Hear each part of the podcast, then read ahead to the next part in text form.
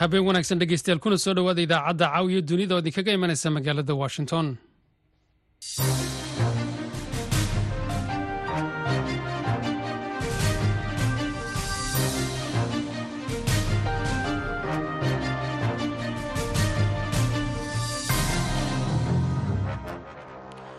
Waa talaada bisha disembar ee sanadka kuna waa waxaanaad naga dhegaysanaysaan mawjadaha gaagaaban ee mitrban iyo bogga aanu ku leenahay internetka ee v o a somaly com. Saacadda afrikada bari haatan waa toddobadii fiidnimo. Idaacadda caawiya dunidana waxaa idiin wada anigoo ah maxamed cabdi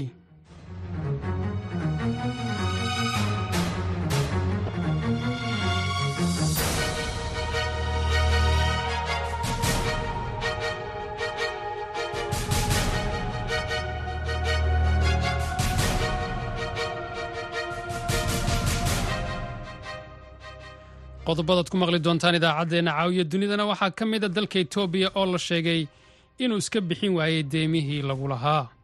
Waxaad kaloo dhegaysan doontaan barnaamijkii umuuraha maraykanka oo aannu kaga hadlayno madaxweynihii hore ee maraykanka donald trump oo xasaanad raadinaya madaxweyne trump markii maxkamadda sare ay kiiska dib u soo celisay ayagu waxay u arkaan inay tahay guul u soo hoyatay waana sida ayagu marka hore ay rabeen oo ah maxkamadda hoose in ay haddana racfaan qaataan oo dood la galo oo kiiska dib loo dheereeyo. Taktikadooda markaad fiiriso xeeladooda waxaa waaye in kiisaskan lagu wada madaxweyne trump ay jiitamaan oo ilaa doorashada lagu kala bax kadib ay noqoto qodobadaasi iyo kuwo kale ayaad ku maqli doontaan barnaamijkeenna caawiya dunida marka horese ku soo dhowaada warkii caalamka.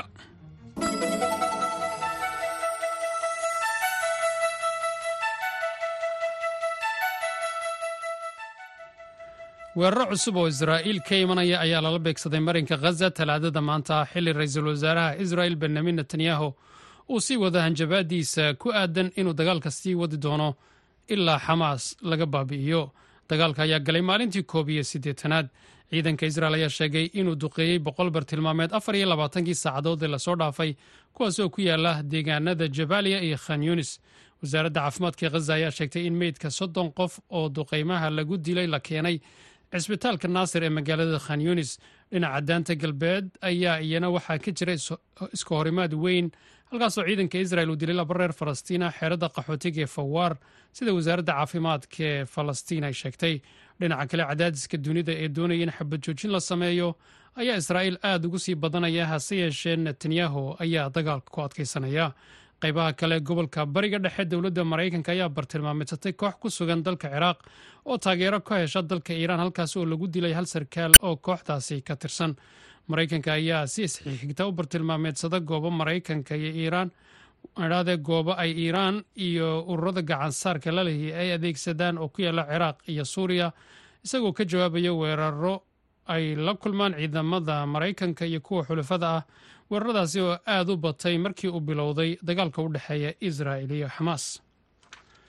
Guddiga arrimaha dibadda idhaahdee guddiga arrimaha dibadda ee baarlamaanka turkiga ayaa u ballansan ka doodista codsigii sweden ee ku aadanaa kubeyrista nato.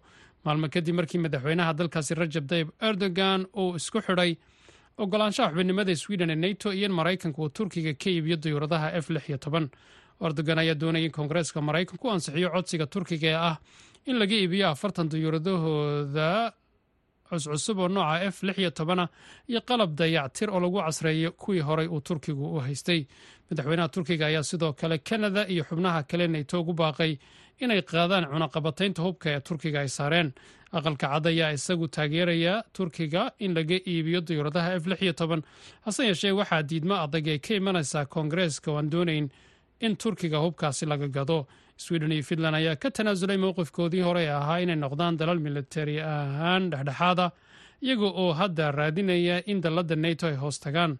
Kadib weerarkii ruushku ku qaaday ukrain bishii februari ee sannadkii finland ayaa iyadu ku biirtay nato bishii abriil iyada oo noqotay xubintii koob iyo soddonaad ee ururka kadib markii baarlamaanka turkigu uu ansixiyey. Dhinaca iyo galbeedka afrikana bartamaha dalka nigeria ayaa dad ay guryahoodii ka carareen kadib markii la dilay boqol iyo lixdan qof. Kooxo hubaysan ayaa weeraro xiriira ka geysta tuulooyin ku yaalla aagaas sida saraakiisha booliiska raacsani ay sheegeen. Tiradan ayaa aada uga sarreysa tii markii hore ciidanku uu soo wariyey oo ahayd lix iyo toban qof oo keliya. Mandey kazah oo ah gudoomiye ku-xigeen degmo waa guddoomiye degmaan idhaahde ayaa wakaaladda wararka e f b u sheegay in tiro gaadhaysa qof la xaqiijiyey in la dilay. Xilli weerarka goobta ka dhacay uu soo bilowday sabtidii uu socday ilaa iyo isniintii shalay. Kasaad ayaa intaasi ku daray in dad ka badan saddex boqol oo qof la dhaawacay kuwaasi oo la geeyey cisbitaalada deegaanada bokos jos iyo barkindali. Tiro koob ay soo saartay hay'adda laanqeyrta cas ee deegaankaasi ayaa lagu sheegay in boqol iyo afar xaaladood oo dhimasho ah la soo wariyey taasi oo timid ka timid siddeed iyo toban degmo oo ka tirsan gobolka bokos ee dalka nigeria. Dhinaca deegaanka barkinladi ugu yaraan konton qof ayaa lagu dilay dhowr tuulo. Sida laga soo xigtay dikson jolom oo ah xubin baarlamaan. Jolom ayaa sheegay in aanay u jabi doonin xeeladaha dadka dilka ka ganacsada. Ayna u midoobi doonaan si loo helo cadaalad iyo nabad waarta sida uu hadalka u dhigay. Warkii caalamkuna dhegeystayaal waa nagaynta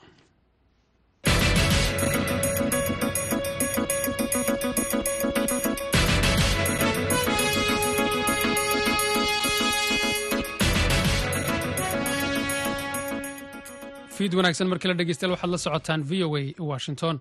Etoobiya ayaa ku dhawaaqday inay awoodi weyday inay iska bixiso deynta lagu leeyahay taasoo laga sugayey inay maanta bixiyaan malaayiin dollar oo ah deymaha caalamka. Faahfaahin arrintaasi la xiriirta waxaa inoo haya wariyaha v o eda xuseen barre aadan በዓል ሞያ ምምሕዳር ፋይናንስ ዝኾኑ ዶክተር ዓብዱል መናን መሓመድ ንድምፂ ኣሜሪካ ኣብ ዝሃቡ in uu damacsan yahay in uu ku dhawaaqo in si rasmiya uu u awoodi waayey in uu bixiyo deymihii lagu lahaa iyada oo ay soo wajahday culays dhaqaale oo aada u daran kadib markii uu adduunyada saameeyey cudurka covid nteen iyo dagaalkii sokeeye ee labada sano ka socday dalkaasi kaasoo soo dhammaaday sanadkii labadii kun iyo labaiyo labaatankii bishii noofembar deyntan ayay ahayd in la bixiyo bishan aan ku jirno ee disembar koob iyo tobankeedii. Waxaanay dowladda etoobiya haysteen ilaa laba toddobaad oo laga sii sugi karo taasi oo farsamo ahaan ku eg maanta oo salaaso ah si ay u bixiyaan lacagta. Sida laga soo xigtay ilo xog ogaal ah oo arrintan u dhundaloola lama bixin deyntan ilaa iyo hadda. Saraakiisha dowladda etoobiya kama jawaabin codsiyo arrintan ay faallo uga bixinayaan taasoo la weydiiyey jimcihii ilaa iyo dhammaadkii toddobaadka etoobiya ayaa ku biiraysa laba dal oo kale oo qaaradda afrika ku yaalla kuwaasi oo ku guuldaraystay inay iska bixiyaan deyntii lagu lahaa. Labadaasi dal ayaa kala ah ghana iyo zambiya etoobiya ayaa markii ugu horreysay codsatay in deynta laga cafiyo horaantii sannadkii labadii kun koob iyo labaatankii. Howlaha deyn bixinta ayaa waxaa dib u dhigay dagaaladii sokeeye waxaana ku sii biiray kaydkii sarifka lacagaha qalaad oo sii yaraaday sicir bararka oo sare u sii kacay taasoo keentay in deynbixiyayaasha rasmiga ah ee dowladda etoobiya oo ay ku jirto dowladda shiinuhu ay ogolaadaan heshiis lagu joojinayo deynta la siinayo etoobiya bishii noofembar bishii disembar. Sideedeeda dowladda waxa ay sheegtay in ay wadaxaajoodka barbar socday ee ay kula jirtay deynbixiyayaasha kale ee gaarka ah ay iyaguna burbureen fiid wanaagsan markii la dhegeystayaal. Ciidamada maraykanka ayaa isniintii shalay weeraro ku qaaday oo bartilmaameedsaday maleeshiyaad. Iiraan ay taageerto oo ku sugan dalka ciraaq taasoo jawaab u ahayd weerar ay ku dhaawacmeen saddex askari oo ka tirsan ciidamada maraykanka. Dhanka kale diyaaradaha israel ayaa suuriya ku dilay jenaraal sare oo u dhashay dalka iiraan. Warbixin ay v o edu arrintaasi ka qortay waxaa inoo soo koobayay wariyaha v o eda jamaal axmed cusmaan duqeymaha maraykanka ayaa lagu bartilmaameysaday saddex goobood oo isticmaalayeen khataa'ib xisbullah iyo kooxaha xidhiir kale leh sida uu bayaan ku sheegay xogayaha difaaca maraykanka leod austin. Waxa uu yidhi weeraradani waxa ay jawaab u yihiin weeraro isdabajooga oo lagu qaado ciidamada maraykanka ciraaq iyo syriya oo ay geysteen maleeshiyaadka ay taageerto iiraan oo ay ku jiraan weerar ay geysteen kooxda xilfada lah iiraan ee kataab xisbullah iyo kooxo kale xiriir leh kuwaas oo weeraray horaantii maanta saldhigga ciidamada cirka erbil weeraradaas oo ujeedkoodu yahay in lagu yareeyo hoosna loogu dhigo awoodaha kooxaha maleeshiyaadka tabacsan iiraan ee sida tooska mas'uulka uga ah weeraradaasi. Afhayeenka golaha ammaanka qaranka maraykanka adrian watson ayaa sheegtay in kataab xisbullah oo qayb ka hadalad ay taageerto iiraan ay sheegatay weerarkii isniintii iyadoo weerarkaasi uu ku dhaawacmay mid ka mid askarta ciidamada maraykanka dowladda ciraaq ayaa ka soo horjeestay duqeymaha maraykanka iyadoo ku tilmaamtay falcadownimo iyo in ay xadgudub ku tahay madax banaanida ciraaq. Dhinaca kale duqeymo cirka ah oo ay ciidanka israel ka geysteen xaafad ka tirsan magaalada dimashik ee xarunta dalka syriya ayaa la sheegay in lagu dilay jenaraal sare oo u dhashay dalka iiraan sida ay baahisay warbaahinta dowladda iiraan dilka razi muzavi oo muddo dheer la taliya u ahaa ciidamada ilaalada kacaanka iiraan ee syriya ayaa ku soo beegmay xilli ay sii xoogeysanayaan iskahorimadyada ka socda xadka lubnaan iyo israel ee u dhexeeya xisbullah iyo israel iyadoo gobolka laga cabsi qabo in dagaalka israel iyo xamaas uu sidoo kale gobolka u soo jiido. Dagaal ay ku lug leeyihiin kooxaha ay iiraan taageerto. Duqeymaha israel ayaa sidoo kale horraantii bishan laba jenaraal ku dilay dalka syriya israel ayaa duqeymaha ka geysatay xaafadda sayida zaynab oo ku taala meel u dhow goob ay ku cibaadaystaan dadka shiicada. Sida ay sheegtay wakaalada wararka iiraan ee irna iyo kormeerayaasha dagaalka ee fadhigoodu yahay britain. Irna waxa ay musavi ku tilmaamtay inuu saaxiib dhow la ahaa jenaraal qaasim suleymaani oo ah madaxii ciidamada qudus ee iiraan lagu dilay weer ay diyuuradaha aan dulyaha la socon ee maraykanku ka fuliyeen bishii januari sannadkii laba kun iyo labaatankii dalka ciraaq. Milatariga israel iyo warbaahinta dowladda syriya midkoodna si deg deg ay ugama hadlin weerarkaasi ka dhacay dalka syriya aad buu mahadsanyay jamaal axmed cusmaan oo nala socodsiinayay warbixintaasi. Isla arrimaha suuriya aynu ku jirnay xarun caafimaad oo cusub oo nooca gurguura ah ayaa bixinaysa adeegyada caafimaad ee aadka loogu baahan yahay iyadoo u fidinaysa bulshada ku nool waqooyi bari ee dalka suuriya.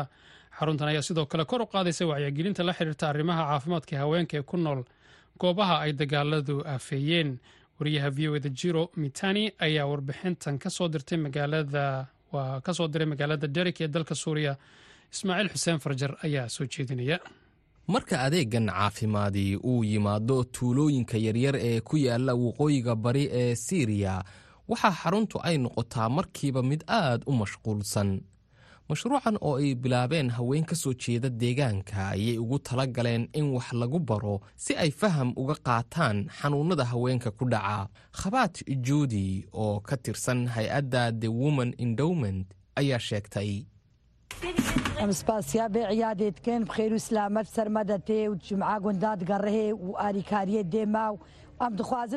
xaruntan guurguurtaa waxay leedahay saddex shaqaale ah oo isugu jira dhakhtar kalkaaliso caafimaad iyo dareewal. Xaruntani waxay muhiim u tahay haweenka sababtoo ah adeegyada aan bixinno oo badankooda khuseeya arrimaha caafimaadka ee haweenka dalkan oo kaabayaashiisa dhaqaale ay ku burbureen dagaalada socda muddada tobanka sannadood ah ayaa adeegyada noocan ahi waxay yihiin kuwo muhiim u ah dadka ku nool meelaha baadiyaha ah. Tasriixa baajo oo ka mida dadka deegaanka ayaa sheegtay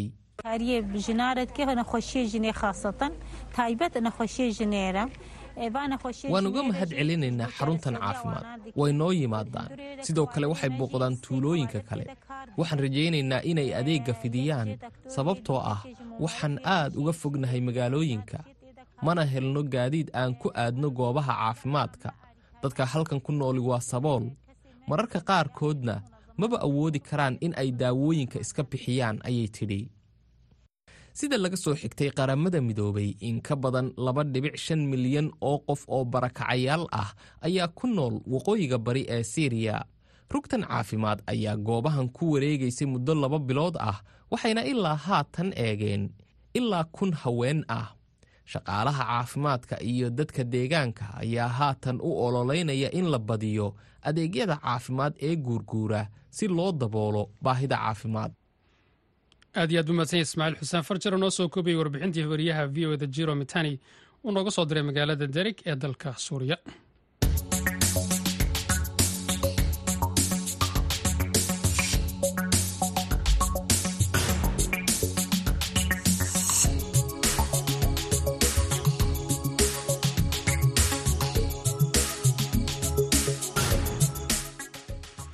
haatanna garowe dhowaan ayaa isimada khaatumo kulan ay ku yeesheen magaalada laascaanood ay ka soo saareen go'aan taabanaya matalaadda siyaasadeed ee deegaanadaasi ay ku lahaayeen maamulka puntland.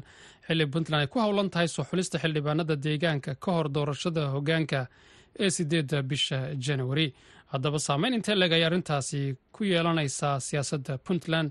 Wariyaha v o eda ee garowe nuux muuse birjeeb ayaa inoo haya warbixintan markii ay soo baxday arrintan waxay abuurtay jahawareer cusub oo ku yimid arrimaha doorashooyinka puntland. Xilli isimada dhaqanka puntland ay ku howlan yihiin soo xulista xubnaha matalaya beeshooda mid kasta. Khaatuma ayaa qayb ku lahayd hay'adaha dowladda puntland ilaa qofka labaad ee hogaaminta oo ah madaxweyne ku-xigeenka waxaana arrintan ay keentay inay abuurto hadalhayn cusub. Dadka ayaa siyaabooyin kala duwan uga hadlay arrintan. Qaar ayaa taageeray go'aanka ismada khaatumo iyagoo sheegay inay habboon tahay in la kala saaro wax isku darsashadii labada maamul maadaama puntland horey u soo dhaweysay dhisitaanka maamulka khaatumo halka kuwo kale ay ku tilmaameen inay ahayd arrin lagu degdegay. Cawil maxamuud yuusuf cawil garaad waa falanqeeye arrimaha siyaasadda puntland isagoo jooga jubba koonfurta suudaan ayuu v o a uga waramay su'aal ahayd saameynta ay dhalin karto arrintan.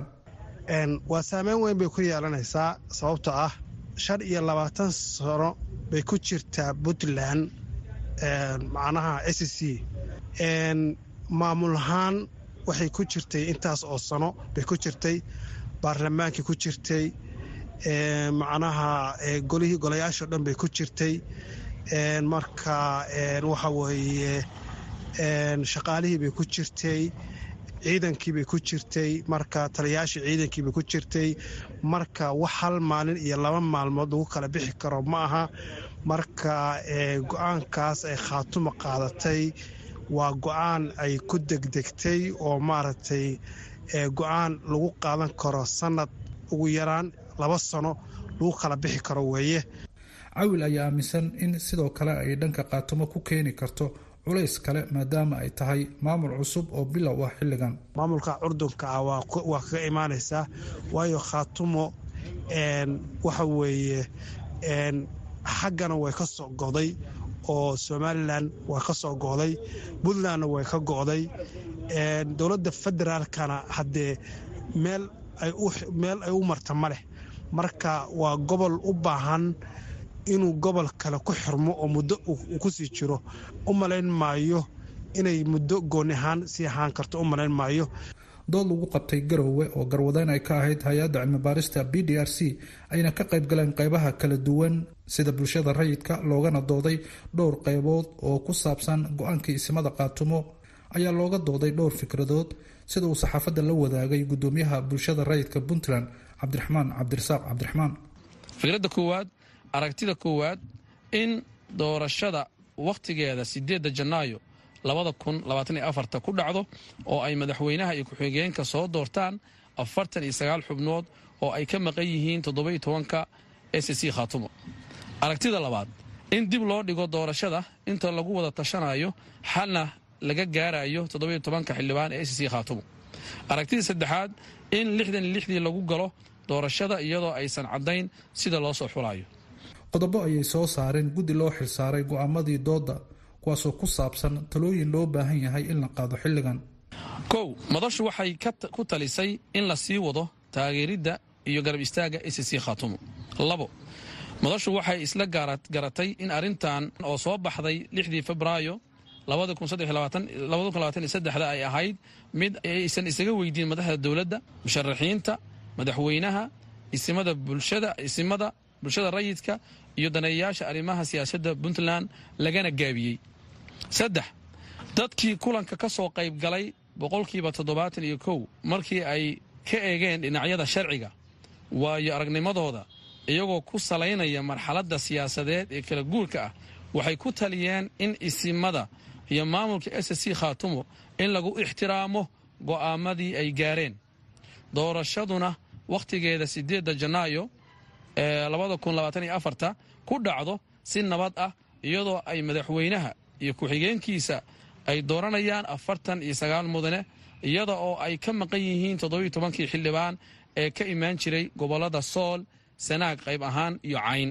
Go'aanka ismada kaatumo ayaa saameyn doona dhammaan xubnaha ka soo jeeda deegaanada kaatumo ee ka mid ah hay'adaha dowladda puntland ay ku yimaadaan nidaamka waxqaybsiga xili ay jireen dhowaan xubno badan oo u tartamayay aqalka baarlamanka madaxtinimada iyo hogaanka baarlamanka puntland ka hor go'aankii isimada nuux muuse birjeeb v o a garowe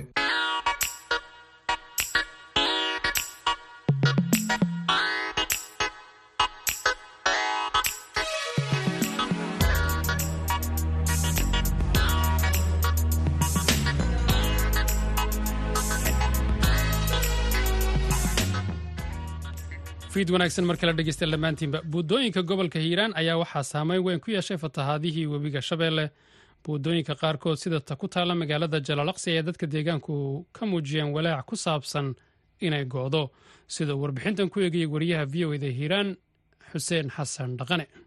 Saameynta fatahaaduhu reebaan waxaa ka mid ah burbur ku yimaada kaabayaasha bulshada sida buundooyinka fatahaadii bishii hore ku dhufatay gobolka hiiraan waxaa lagu tilmaamaa inay ka mid ahayd fatahaadihii ugu xooganaa ee dalka soo maray ilaa kontonkii sano ee ugu dambeeyey waxyeelo xoog leh ayay gaarsiisay buundooyinka gobolka sida kuwa beledweyne buulo burta iyo jallaqsi. Dadka degan xaafadda oktoobar ee beledweyne ayaa waxay ku guuleysteen inay dib u dayactiraan buundada xaafadda oo fatahaadu ay waxyeeleysay kenadiid xuseen sandhool waxa uu ka mid yahay dhallinyarada isu taagay hagaajinta buundada. Maanta waa gara kartaan dalka iyo marxaladdii fatahaadda ay geysatay qolo walbana waxaa la yidhaha isku tashato beledweyne waa afar xaafadood.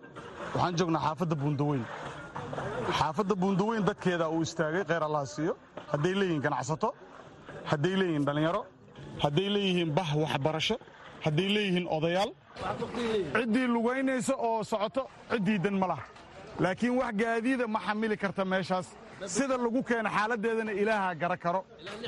Marka waa mahadsantihiin waxaan leennahay sidaa isku xilqaanteen reer buundaweynow haddana annagoo midaysan aan u ilaashanno waxaan xilligaan u taagannahan wakhtiga iyo juhdiga aan gelinnay haddana annaga aan ilaashanno. Xaqiiqatan cid noo maqan ma lahan ceelna nooma qodno annagaana laga rabaa annagaa dhisannay annagaana laga rabaa inaan ilaashanno. Dadka degan degmada jallaqsi ayaa walaac xoog leh waxay ka muujiyeen buundada degmadaasi oo dhaawacyo ay gaarsiiyeen fatahaadihii hore. Tii u dambaysana ay uga sii dartay waxaana ay codsadeen in lagala qayb qaato dib u dayactirka buundada. In muddaa waxaan la dhibanayn fatahaadii webiga ayaan la dhibanayn. Ilaahay mahaddiis biyihii waa ilahay waa naga dulqaaday laakiin waxay reebeen aahaarka raadka ay reebeen. Raadkaasoo ah waxyeelo ku soo korortay buundada degmada jallaqsi taasoo mar horeba aad u liidanayd oo in muddo ah laga qaylinayay dad waxgarad ay horu hadleen maamul uu ka hadlay. Aanan baahideeda laga soo jawaabin. Waxaan codsanaynaa inta warbixinteen riboodkan uu gaaro dadka soomaaliyeed muxsiniinta ah khaasatan reer hiiraan reer jallaqsi dadka deegaankan ku soo abtirsada waxaan ka codsanaynaa in ay baaqeena ka soo jawaabaan oo buundadana mar hadday go'do dhibaatadeed ma la soo koobi karaa ama laga kaban kara maahan hadday waxqabadkeeda uma taqaanaa dhaawaceed uu sahlan yahay. Arrinkaas in wax nalala qabto oo baahida la daboolo si isu socodkii degmada iyo adeegii bulshada uu u socdo hadday buundada go'do halbowlihii bulshada degmada jallaqsi waa dhibaato badan ayaa saamayn ayaa ka imaanaysa sidaas darteed inna gurma deg dega lala sameeyo ayaan codsanaynaa in buundadii dhibaatada hayso waa ujeediin saasay ay u mirirtay. Boolasheedii waa xasilay macnaha ay webiga ay ku daataan in si u dhaqsiyaha badan leh. Buundadan si ilgoonni ah ay u soo fiiriyaan. Waxaan haduulaha kurua saxamakii waa kuwaasaa waa eber way buusmeen mid buusme iyo mid jabay noqdeen. Ka maamul ahaan ayagana haduulaha kura ay cabaadaan buundadii way u jeedaan. Rinjigay rabtaa ilaa iyo waa saxuumadii wixii lagu keenayo rinjigii iyo wixii istuuka ahaay ka maamul ahaan iyo degmadii dhallinyaradii iyo haduulaha ku roon yahay dadka degmada ku dhaqan. Wax ay ka qabtaan buundadii ayaa loo baahan yahay. Wadooyinka iyo buundooyinka ay saameeyeen fatahaadaha ayaa waxay muhiim u yihiin isu socodka dadka iyo gaadiidka gobolka. Xuseen xasan dhaqane v o a beledweyne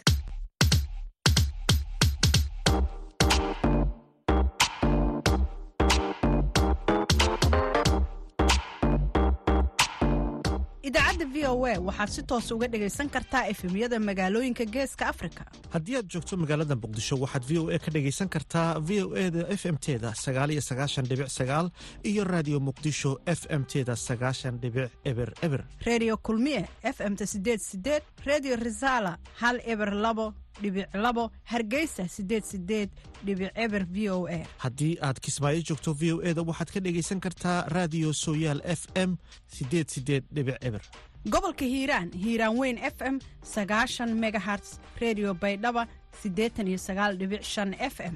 Haddii aad joogto puntland v o a waxaad ka dhegaysan kartaa s b c radio boosaaso siddeetan iyo sagaal dhibic sagaal f m qardho siddeetan iyo sagaal dhibic sagaal f m.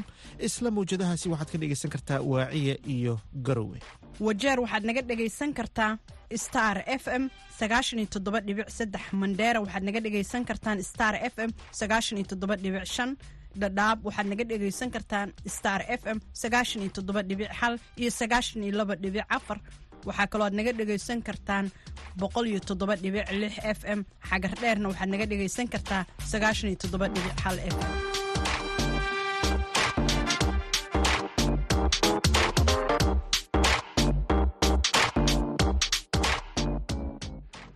fiid wanaagsan dhegeystayaal mar kale haatanna ku soo dhowaada mid ka mid a heesaha noocaa oo idinku talagalay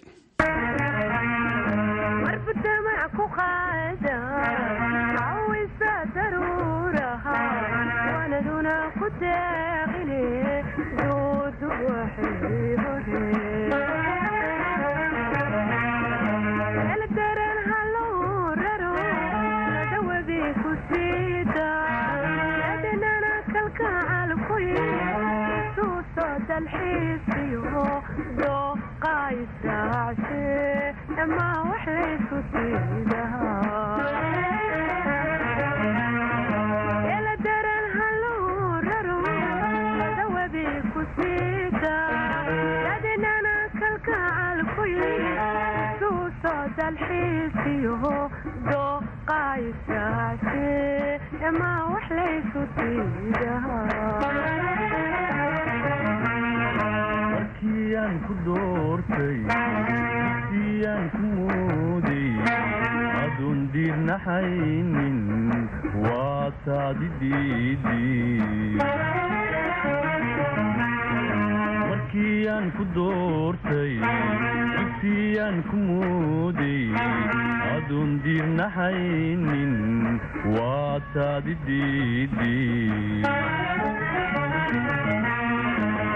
durdurkii markuu guray daqsintii la saansaday dabayluhu ku qaadeen igu nuqu haddaad tidhi u dulqaadan maaye ha igu daalini durdurkii markuu guray daqsintii la saansaday dabayluhu ku qaadeen igu nuqu haddaad tidhi u dulqaadan maaye ha igu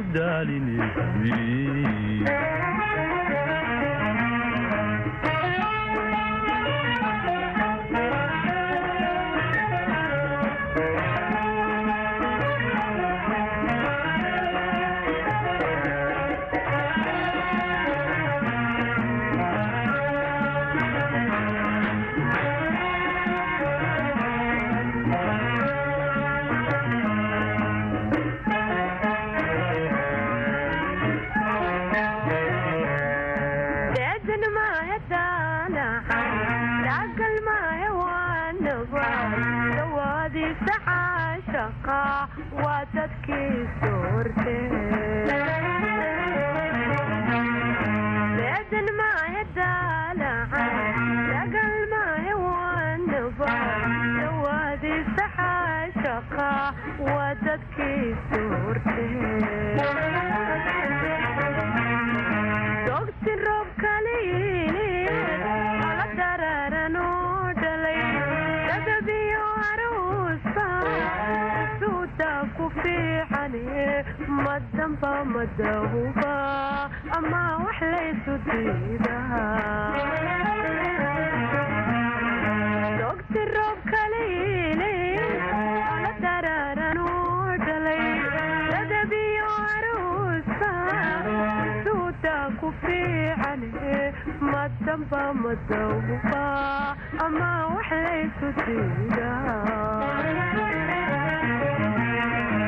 qoraad dhiiranayda shalay diricsanayda maantana ku daabarto dambaa ku run sheegtigoraad dhiiranayda shalay diricsanayda maantana ku daabarto dambaa ku run sheegti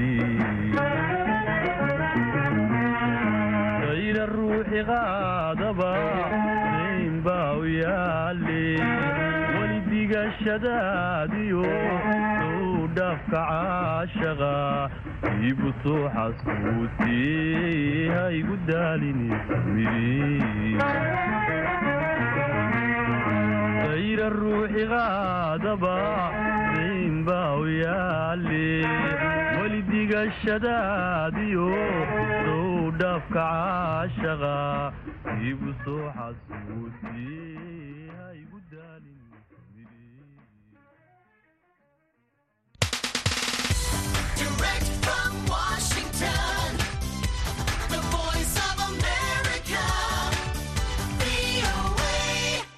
fiid wanaagsan dhegaystayaal ku soo dhowaada barnaamijka todobaadlaha ee caweyska dhadhaab kaasoo idinkaga imaanaya la-anta afka soomaaliga ee v o a reediyoga xeryaha dhadhaab barnaamijka todobaad walba waxaad ku dhegaysataan labada mawduuc ee ugu hadalheynta badan yihiin bulshooyinka ku nool xeryaha qaxootiga iyadoo dhegaystayaasheena dhadhaab iyo deegaanada ku xiran ay si toosan uga dhegaysan karaan idaacadda fm-ka v o eda dhadhaab ee ka soo gasha mawjada fm-ka ee hal eber lix dhibic todoba megahartis barnaamijkeena caawa qodobada aad ku maqli doontaanna waxaa ka mid noqon doonaa qaar ka mida qaxootiga ku nool xeryaha dhadhaab oo xaalad cunto la'aana wajahaya ayaa dowladda kenya ka codsaday in loo bilaabay tirakoobkii ka soday xeryahaasi qaxootiga si ay u helaan raashinka samafalka ee la siiyo qaxootiga ku jira xeryaha sidoo kale barnaamijka waxaa qeyb ka ah haweenka qaxootiga ah oo dhexdooda isbaro xirfado ay ku shaqaystaan si ay u maareeyaan nolosha qoysaskooda. Kabamar ruxuminta shakhsiga oo toddobaadkan marti uu ku yahay maxamed khaliif axmed oo aan ka wareysan doono iibka xoolaha nool ee suuqada xeryaha bridge ab barnaamijka waxaa idinla socodsiinaya aniga oo ah cabdisalaan axmed. Tirakoobkii ka socday xeryaha ladhaab ee dalka kenya ayaa hakad galay sababo la xiriiro urashada sanadka cusub iyadoo inta badan wax dhaqdhaqaaq ah aysan ka jirin. Xafiisyadii looga khidmayn jiray qaxootiga ballaaran ee ku jira xeryaha. Waxaana dib u dhac ku yimid tirakoobkaasi oo saameyn ku yeeshay nolosha qoysas badan oo ku nool xeryaha kuwaas oo aan bilowgii diseembar aan la siin raashinka gargaarka ah iyadoo lagu wargelay in raashinkaasi aysan heli doonin ilaa tirakoobka ay ka sameeyaan. Haddaba qaar ka mida qoysaskaasi raashin la'aanta ah ayaan ka wareysanay xaaladda ay ku nool yihiin. Xabiibi faarax oo ka soo barakacday tuulooyin hoostaga degmada afmadow ee gobolka jubbada hoose ayaa la hadashay barnaamijka caweyska dhadhaab waxaan ku noolay welmaro ka soo barakacay waxaan imaaday xarada dhagaxleey markaxaas ballaaran aan ahay. Markaan ku noolaan waayni meeshaan degana xoolo dhaqataan ahayn xoolihii baa naga dhammaaday xootiaan u soo barakacnay boonakaar baan ka qaadanay. Bilna hadda ma qaadanin iska rafaadanahay. Boonadii baan raashinkan ku qaadana raashin ma lahaa nala dhahay. Aa nagala xiray markaan iska rafaadanahay. Dad baan dul noola koranahay waa tahay hooyo qoyskaaga waa imse ruux sagaal nolol ma haysano dad baan dul noola koranahay. Marka xaas baan nahay waan iska rafaadanahay. Bishan raashin ma qaadanin. Maadaama bishii tagtay aadan raashin qaadanin hay'adihiina ay fasax gelayaan. Bal ka waran culayska aad dareemaysaan. Waxaan ahay raashiin aan qaadanin oo xaasiska eh. Marka culeys bay nagu tahay bishii hore raashiin ma qaadanin. Marka waan iska rafaadanahay dirkoobka baa nagu dheeraaday marka insha xaalad in noola dadajiya. Si sifa waxaan ku heli lehnaan u baahannahay. Hay'adihii fasaxay galeen sanadka cusubaa la galay. Waxaan u baahannahay hay'adihii in noola soo laabto si ay nooga soo laabtaan. Aan raashiin ku helno oo tirakoobkiaan ku helno tirakoobka waa nagu dheeraaday. Markaasi dadeg inay noo soo laabtaan aan jecelnahay. Insha allahu tacaala waxaan dad badan oo dhibaataysanaa jira. Annaka kaligaan ma aho. Cid xaas oo ballaaran ma qaban kara. Xafad kala dulnoola kuma kor ahaan karaan aan ku dhib qabnaa ilmihii waxbarasho ay noo rabaan saas hadda dad badan baa ii waxbaranaya aan ku rafaadannahay aad bay umahadsan tahay taasina waxay ahayd xabiibo faarax oo noogu warantay gudaha xeryaha dhadhaab ee gobolka waqooyi bari. Qoysaskan oo badankood ka soo barakacay abaaraha ee sannado ka hor soo gaaray xeryaha ayaa laga joojiyey boonooyin ay raashinka ku qaadan jireen kuwaas oo haatan wajahaya culaysyo badan oo dhinaca nolosha ah xaliim xuseen muuye oo ku nool xerada dhagaxley ayaa tilmaantay inay ka walaacsan tahay in bisha janawari uu kadib dhaco raashinka gargaarka ah ee bishiiba mar ay u faylaan qaxootiga ku jira xeryaha bishan oo ay dhammayte bishan horeydan waan helaba ma helaba laahe hadday mugo waan joogna mugo kahootigay dhagahaley waan ku jirnaay. Waa tahay xalimo maadaama aadan raashin qaadan bishii tagtay bal ka waran qaabka aad carruurta wax u siisa mugo waan joogna mugo daraskii oo ay heleen raashinkii waana soo aruuriyeen waa la ii keenay waan cunayna mugo alxamdulilah maasha allah waan joogna. Laakiin ilaa mar dambe tirkoobkii markaan galayna waa fiirinayna mar unto waan helayna mar unto ma helayno. Waa tahay. Idinka soomaaliya halkeebaad ka soo barakacdeen iyo kismaayo kamsuumayo. Meeshaan ka imaanin. La dhehe. Tirkoobki mala galin raashin maleh waa safarkan. Wixii tirkoobki aan galin raashin maleh saasaa lay dhehe heji dham tirkoobki ma galin mugo way joogna mugo tirkoobki heji dham ma galin. Laakiin nunu baahineed zaa'id waaye. Wax ma hayno dhib wayna haysta. Biyaha markoo waa helayso markoo ma helayso. Waa joogna mugodhegaal waxaa uun baanahay inaa tirkoobka aan marno haddaan marnona raashin inaan halno aad bay umahadsan tahay taasna waxay ahayd xaliim xuseen muuye oo noogu warantay gudaha xeryaha qaxootiga. Marka laga tago qoysaska ballaaran ee raashin la'aanta sida tooska u taabatay waxaa xeryaha ku nool dhallinyarada kowlayaasha ah ee aan la noolayn qoysaskooda kuwaasoo markii hore bishiiba mar qaadan jiray garaamaad raashin ah oo u dhigma shan kiilo. Maxamed ilka case oo ka mida dhallinyaradaasi ku nool xeryaha ayaa ka waramaya xaaladda ay ku nool yihiin. Waa tahay waa mahadsan tahay bishii hore tirakoobkii maanan gelin boonadii iga dhacday. Kadib waxaa lii dhahay markaan tegay keer tirakoob maadan marin boonadaadana way dhacde marka wax una adi aad leedahay ma jirtaa lii dhahay u n h c rna waan tegey isla sidii amalaa lii tirakoob maadan gelin boonadaadana way dhacdaa lii saas darteeda ku soo laabtay. Marka xaalad xun waa wajahaynaa dad oo waxaan ahay qahooti dadka ani aala noolahna dad dan yar waaye wax uma haystaan. Marka waxaa jeclaan lahaa in tirakoobkan si qurux badanna loogu soo celiyo oo sifo unadeennana aan si qurux badan a uga qaadana saasaan jeclaan lahaa. Waxaan ahaa wiil oo iskaabul oo kowlaan iska ahaa. Garaamo shan kiilaa qaadanaya shantii kiilana hadda waaba la la'yahayba oo waxaa la ileeyahay boonadaada dhacday una malihidba marka shantii kiila hataa waa iska riiraysanaya shantii kiilaaba hadda booskay ka baxdayba marka arrintaasana haysato. Waa tahay haddii bisha janawari aadan raashinka mar kale aadan qaadan xaalkaaga bal see u noqon karaa? Haddii bishan januari una la'aan na soo wajahdo sidii isla bishan amal waa xaalad khataraan gelaynaa dadka iskaabuladana heryaha qaxootiga way ku badan yihiin oo kowliyaasha iska ah. Marka dhibaatadaasaan haysa. Haddana waxaan nahay dad dhallinyaro usubaan nahay wadankiina waa ku usubnahay dad hadda oo diinna siiyo na aaminana ma haysanno. Shaqa la'aanna way jirtaa meel aa ka shaqaynana ileen wadankiina zaa'id uma fahmin hadda ku usubnahay wadanka walaasyo fara badana iska jiraan oo raashin la'aantana zaa'id ay noo saamayse aad buu u mahadsan yahay kaasan wuxuu ahaa maxamed xasan ilkacase oo noogu waramay gudaha xeryaha qaxootiga. Dhinaca kale jaamac cali oo ka mida guddoomiyaasha xaafadaha xeryaha ayaa dowladda ka codsaday in tirakoobka dib loo bilaabo si qoysaskan qaxootiga ah ay u helaan gargaarka samafalka ah bismillahi raxmaan raxiim dadkan blog shigshinghaj may gelan kala bar. Waxaana u gelin waaya meeshii jaam noqotay oo dadkii ku bateen. Waxaana ku soo galay sanadka cusub.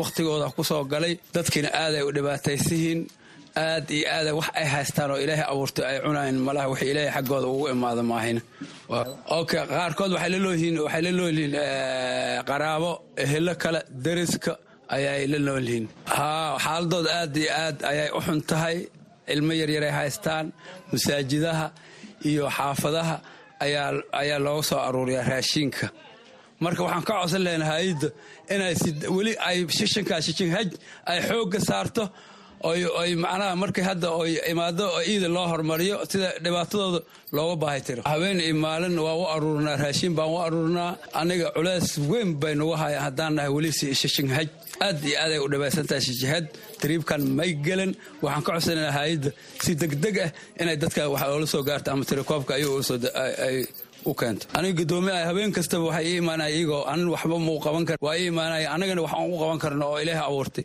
Ma laha. Codsigayga waxaa waaye waa inaad dadkaas si degdeg ah loo soo gaara. Nolol xun bay ku nool yihiin marka waan ka codsanaynaa mas'uuliyiinta dhira aree kulli ay u weyn tahay u n waxaan ka codsanaynaa dadkan inaa si degdeg ah loo soo gaaro. Waa hagaag. Waxaan soo gaarnay qaybihii dhexe ee barnaamijka cawiijka dhadhaab oo si toosa idinkaga imaanaya. La'aanta afka soomaaliga ee v o a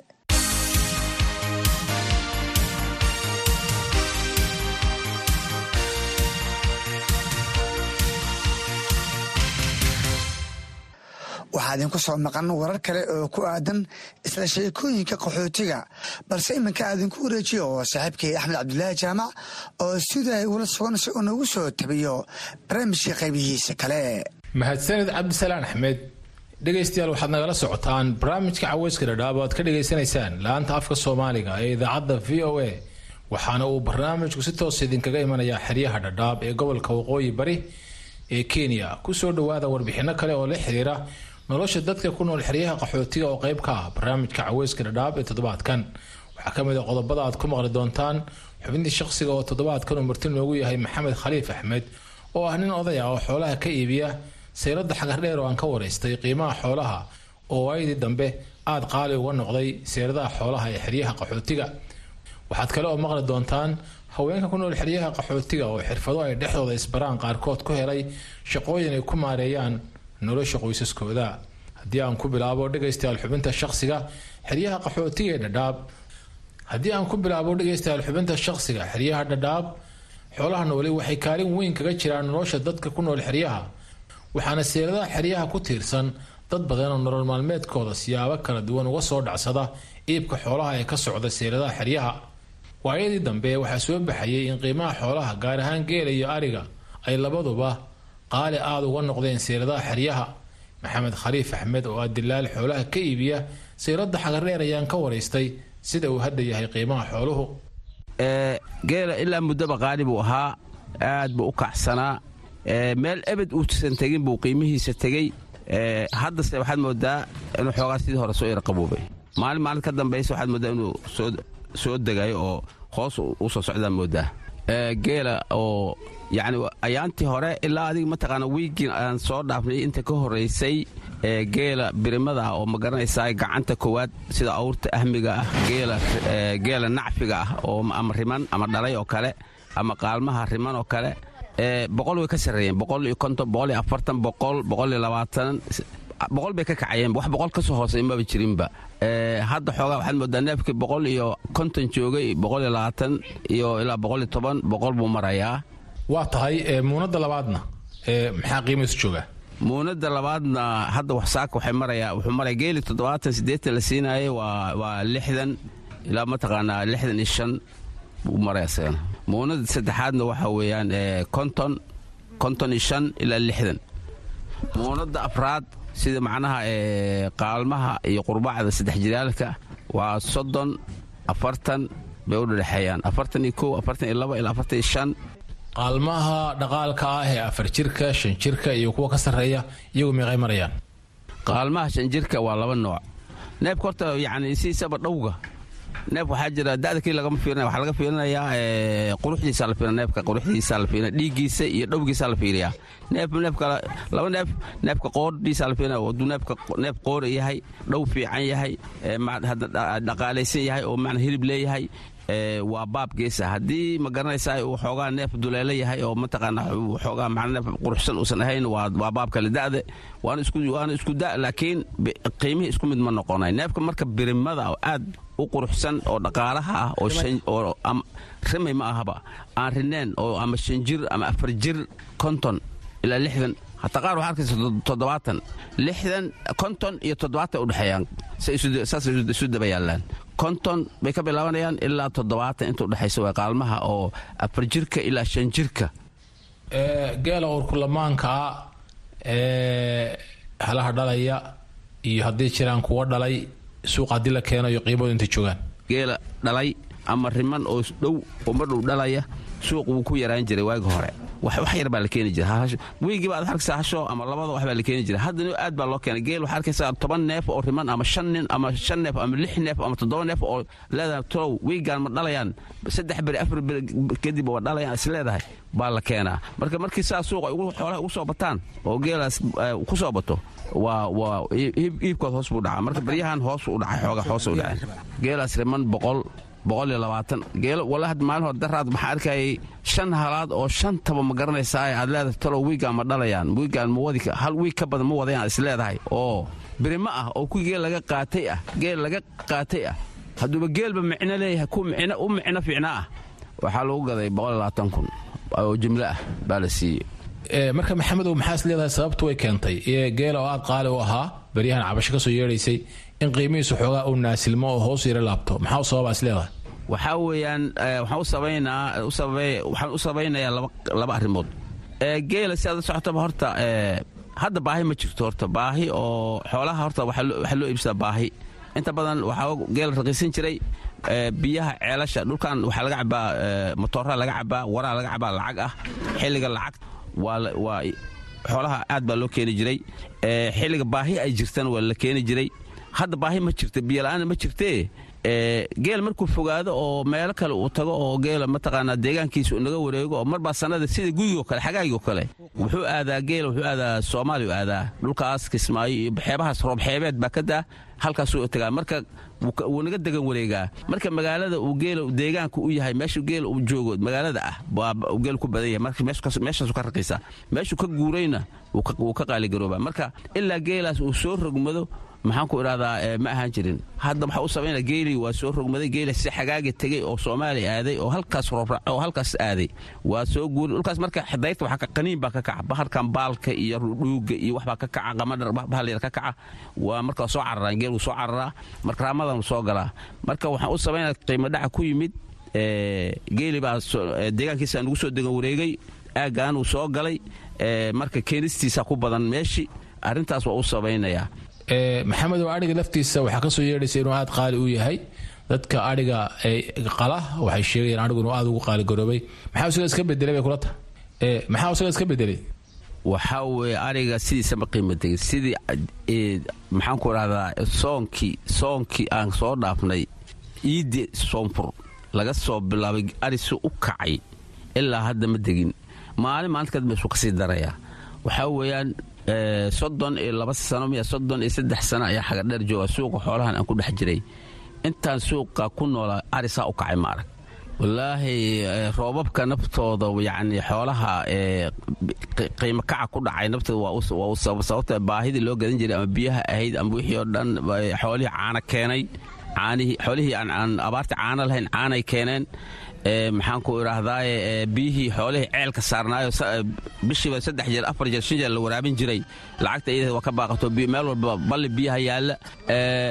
Xoolihii marka neefka waa yaraadeen ayagaaba iska yaraadayba. Marka xoolaha xoolaha weli waa qaali laakiin anigu waxaan leeyahay sidii ayaan hore ahayn xooga ka yar degan baan leeyahay geelu ka yar degaan leeyahay mooyaane. Weli waa qaali xoolaha weli waa qaali.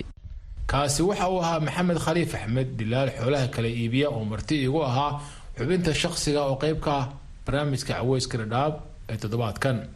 Haweenka ku nool xeryaha dhadhaab ayaa in badan oo ka tirsan waxay dhexda u xirteen maareynta nolosha qoysaskooda. Haweenka qaarkood oo markii hore ay xirfado beri jireen ayaa hadda dhexdooda isbara xirfado kadib markii ay hay'aduhu joojiyeen tababaradii ay siin jireen haweenka. Deeqo cabdiraxiin salaad oo hadda ku shaqaysata xirfaday ka baratay xarunta ururka haweenka ee wadajir ayaa ka hadlaysa waxa ay qabato iyo sida ay shaqadeeda wax uga bedeshay nolosha qoyskeeda. Waxaan qabanaa sida buskudka oo farshaxanka buskudka sida loo barto. Cuntada sida jibsiga jikinka bariiska oo intaasoo nooc loo kala karinayo intaasaa baranaa.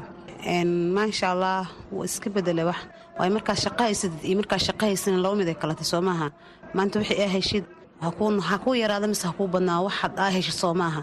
Ile markaa meel bannaan taaganta waxba haysanin oo lacagaad helen iyo meel nacfi kaa soo gala isku mid maha sooma maasha allah aaday ii tiirisaa waxaa isbedeleen aad isbeddel weyn waay way hadda waxaan rabaan samaysanayaa haddii afartas boqol hadda aan qaato haddaan laba reerkii siiyo laba ana wax ii taraysaa oo meel dhiganayo oo seven meel ku haddana wax isbeddel weyn waaye deeqo waxay sheegtay in waxa keliya ee u soo labeeya shaqadeeda ay tahay raashinka deeqda ah ee yar ee laga siiyo xerada.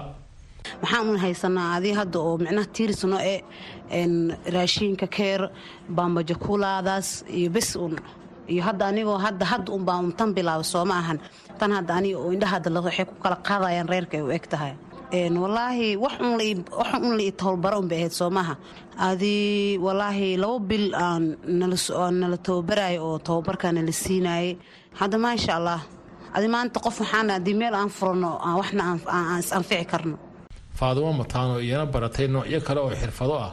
Ayaa iyana sharaxaysa xirfadaha ay ka baratay xarunta haweenka iyo sida ay ugu shaqaysato waxaan ka mid ahay hablaha ka waxbartay women tugada haddana xirfadii ayadaheed ku shaqaysta waxaan bartay taandhay oo ah dhar karinta iyo shaambo ayaan ka bartay. Waxba qarash igama bixin haween badana ahayn falantiya wax nagu baraayeen Een, waxaana bartay ilaa lix bilood. Waxaan ka qaatay shahaadooyin. Waxaan ka helay maadaama markii hore aan ahaa shaqola'aan qaxootiga iska joogo maalmihii horeyna barahayeen xoogaa rinji iyo wax bayna tuseen iyo dharkii markii dambe suuqaan tagnay dharkii baan deen ku soo qaadannay rinjigii baan soo qaadannay hablaa gado meesha ku gado. Dharkii baan gadannay waan karsannay waan wareejisannay kadibna hadda dad is-anfacayo ayagii dharka soo gatay haddana xirta haddana karsado wareejiyaan noqonnay faadumo ayaa intaa ku dartay in xirfadda ay baratay ee ay ku shaqaysato ay u tahay il dhaqaale oo muhiim ah oo ay ku kabto nolosha qoyskeeda waxay ii anfacday run ahaantii lambaradayda ayaan whatsapp ka dhigtay. Maxay aheeto facebookyada layga soo wacaa ilaa gaarisa nairobi xagga wajeer soomaaliya. Waan u diraa dharka. Magacaygaa la soo sheegay hebloy waxaan rabaa maryan baa laydhahaa waxaa weeye bundo dharaan soo qaadanaya exambl waan karsan. Markaan karsado waan iibgeysan markay ii gadanto yaan lafaha maasha allah aad iyo aad bay wax uga badashay ciyaal baan iskuulle ka geystay guryihii hore hay'adda aysiis waa iga dumeen guryaan ka dhistay. Meel yaroo xooshadan hadda ka iibsadaa oo dharkii ii sursuran yihiinoo ku gataa aamine cabdulqaadir oo ah gudoomiyaha ururka haweenka ee wadajir ayaa sheegtay inay ku guulaysteen inay haween badan baraan xirfado kala duwan oo hadda qaarkoodba ay ku shaqaystaan kalena soo baxaan nolol maalmeedka qoysaskooda. Shaqo fiican ayaan ka qabannay ee, isbeddel weyn ayaan ka gaarnay. Isbeddelkaasoo ah farsamada gacanta ee haweenka. ee, meelo badan ayaan gaarsiinay. Maanta haweenka soomaaliyeed ee ku nool xeryaha xirfadda ay maanta ku faanahayaan ama ay yaqaanaan waa midaan annaga bilownay midna looga horreeyey ma aha. Xirfadda ayada eena waxaan ku bilownay wax la dhahaa iskaashi. Annaga dhexdaannada oo guri jirnay lacag yar. Haweenka markay isku imaadaan markaan lacagtaa yar gurno haweenka waxaa ugu samayn jirnay macnaha inay sida shaaha aan ugu karin jirnay aan qado oon ku samayn jirnay si haweenka meesha ay u imaadaan. Marka haweenka ay isku imaadeenna waan u bandhignay xirfadda. Dhegaystayaal inta ayuu inoogu ogyahay barnaamijka caweyska dhadhaab ee toddobaadkan oo qaybtiisan dambe aan idinla socodsiinayay anigoo axmed cabdulaahi jaamaca. Intaas aanan ka bixin aan mar kale mikrofoonka ku soo dhaweeyo saaxiibkay cabdisalaan axmed cabdisalaan oo barnaamijka ila daadihinayey mahadsanid axmed dheere dhegaystayaal haatan aan ku nasanno. Mid ka mida kaalimaha suugaanta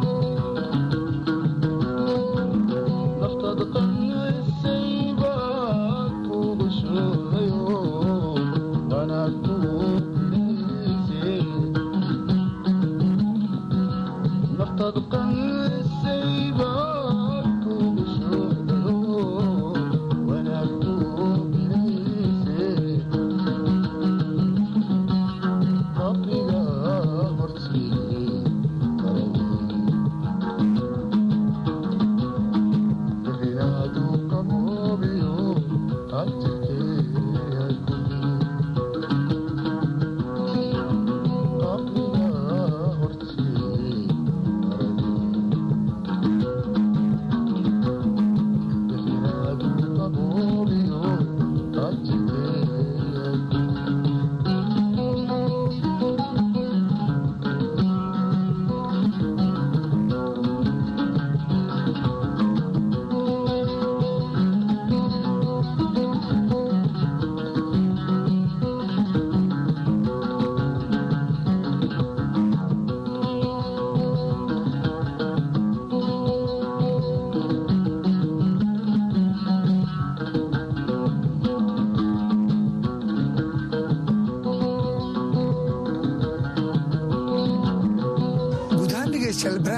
caweyska ee toddobaadkan halkaas ayaan ku soo afmeeraynaa barnaamijka waxaa idiin soo tabinayay anigoo ah cabdisalaan salas iyo saaxiibkay axmed deere tan iyo toddobaadka dambe intaan dib u kulmi doonno waxaan idinku dhaafaynaa.